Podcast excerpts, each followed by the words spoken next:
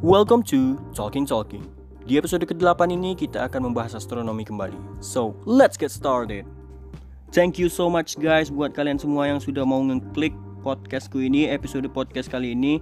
Dan terima kasih banyak buat kalian yang sudah mau setia dengan untuk mendengarkan podcastku ini. So, mari kita akan membahas tentang teori heliosentris dan teori geosentris.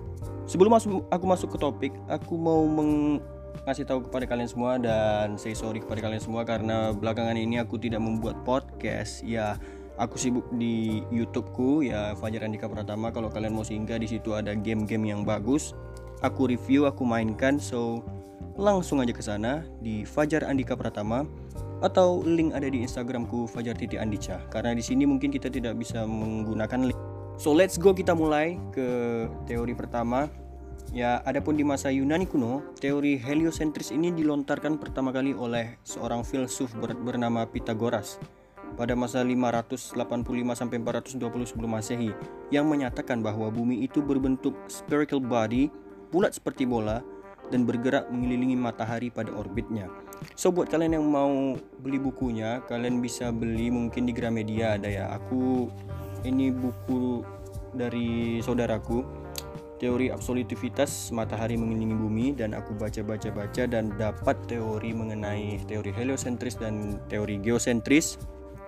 Dan buku ini bisa mengubah paradigma pikiran Anda eh, pikiran kalian semua ya tentang apakah bumi itu sebagai pusat tata surya atau matahari sebagai pusat pusat tata surya yang kita tahu sekarang ini.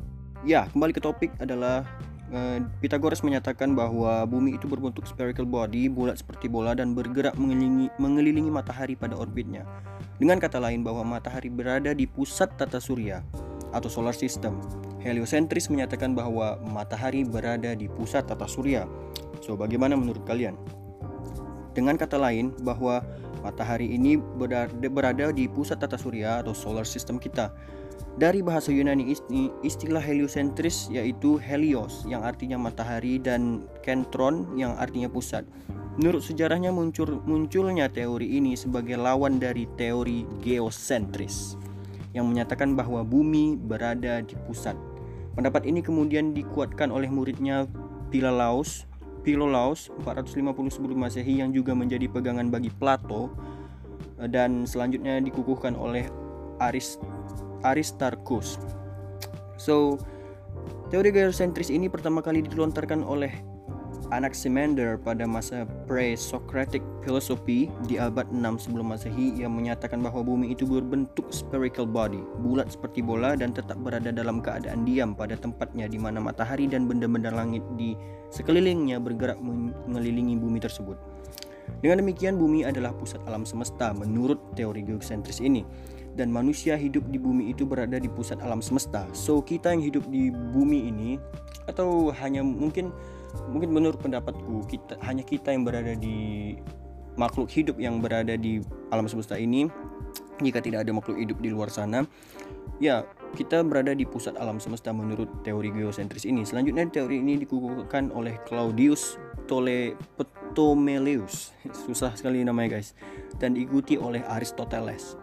Serta sebagai sebagian besar filosof Yunani kuno hingga akhirnya mampu bertahan hingga hampir 15 abad kemudian meskipun hanya berdasarkan apa yang terlihat oleh mata bahwa matahari, bulan, bintang dan planet-planet lainnya tampak mengelilingi bumi. So ya, yeah, itu yang terjadi kalau kita melihat matahari, bumi, bulan atau planet-planet lain atau bintang-bintang yang ada di malam hari. Kalau kita melihat dari bumi, memang seakan-akan mereka itu bergerak mengitari bumi. Tapi mungkin ini kita bisa menyimpulkan bahwa kembali lagi pada diri kita sendiri. Karena ya selanjutnya kita akan baca mengenai teori relativitas. Pengamatan observasi umum yang diyakini mendukung gagasan bahwa bumi terletak di pusat atau alam semesta. Yang pertama adalah bintang-bintang matahari serta planet-planet muncul dan berputar di sekitar bumi setiap hari. Dengan bintang berkeliling berkeliling di sekitar matahari dengan jumlah bintang yang dekat Katulistiwa terlihat meningkat dan dalam keadaan teratur pada setiap harinya lalu berkeliling dan akhirnya naik kembali ke titik semula.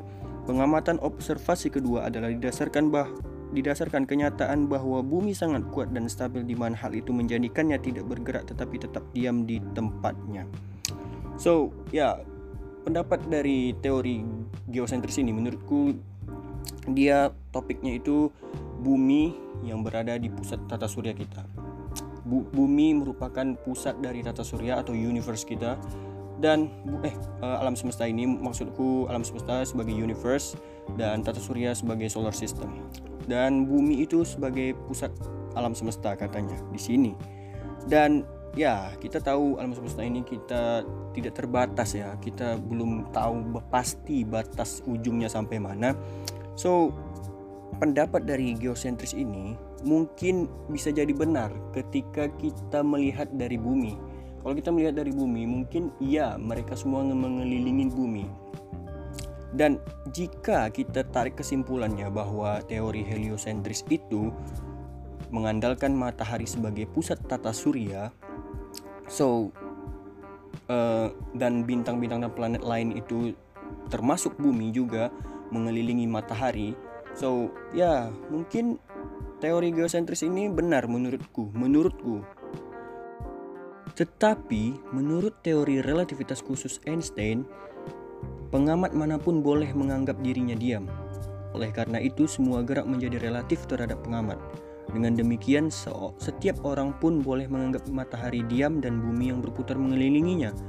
Demikian pula, orang juga boleh mengatakan bahwa bumi tetap diam di tempatnya sedangkan matahari yang bergerak mengelilinginya. Karena semua itu tergantung kerangka acuan mana yang ditetapkan.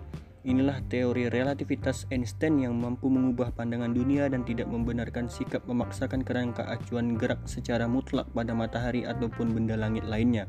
Sehingga bumi harus dinyatakan bergerak mengelilingi matahari sebagaimana sangkaan orang-orang yang terdapat oleh mainstream dunia karena masih terpengaruh oleh pandangan Pythagoras, Nicolaus Copernicus, Galileo, Johannes Kepler, dan hukum gerak Newton yang telah direvisi oleh Albert Einstein secara radikal itu.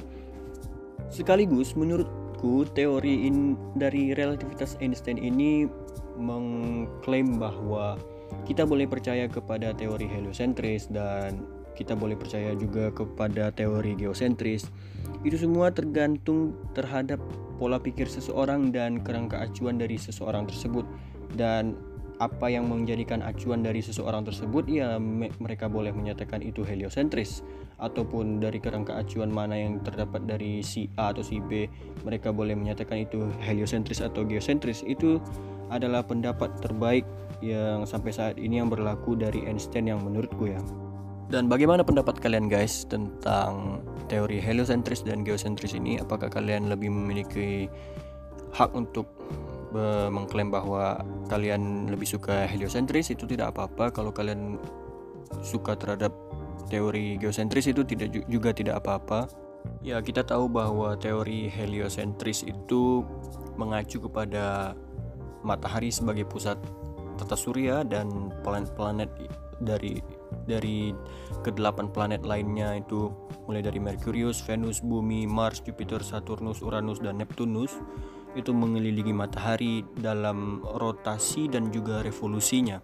Sedangkan dari teori geosentris ini menampakkan bahwa bumi sebagai pusat alam semesta yang di mana seluruh objek yang ada di alam semesta ini mengelilingi bumi hendaknya dari timur ke barat seperti matahari kita terbit dari timur ke barat dan pada malam hari kita melihat planet-planet dengan terangnya seperti Mars mungkin Venus mungkin yang berubah setiap posisinya menuju ke barat. So ya kita simpulkan kalian yang dapat menyimpulkan dan di sini kita berdiskusi saja karena didasari dengan sebuah teori dua teori tadi dan termasuk tiga teori yang membahas kebebasan dari heliosentris dan geosentris. Yang mana saja kalian yang menentukan dan segini dulu untuk episode podcast kali ini. Semoga bermanfaat dan menambah wawasan untuk kita semua untuk saling berdiskusi tentang astronomi dan teknologi. Terima kasih buat kalian semua yang sudah mau support aku sampai sekarang. Dan yang tetap ingin mendengarkan podcastku di 6 platform yang tersedia. So kalau kalian ingin melihat aku bereaksi game, bermain game, uh, review game, kalian bisa langsung ke channelku Fajar Andika Pratama. Dan di situ aku mereview game dan bermain seru-seruan, record game, record play dan share. Aku tanpa mengedit uh, videonya. Aku menggunakan uh, record dan play bermain ya udah langsung share tanpa edit. Mungkin ya editannya cuma sedikit saja cut cut cut aja sih. Mungkin nggak ada lebih ke yang lainnya. Uh, seperti editing atau uh, visualnya seperti apa nggak aku lebih mementingkan di channel YouTubeku itu uh, gameplaynya. Dan ya kenapa sampai ke situ ya? Dan sampai berjumpa di episode podcast yang lainnya dan do imagine and discuss. Bye Thank you.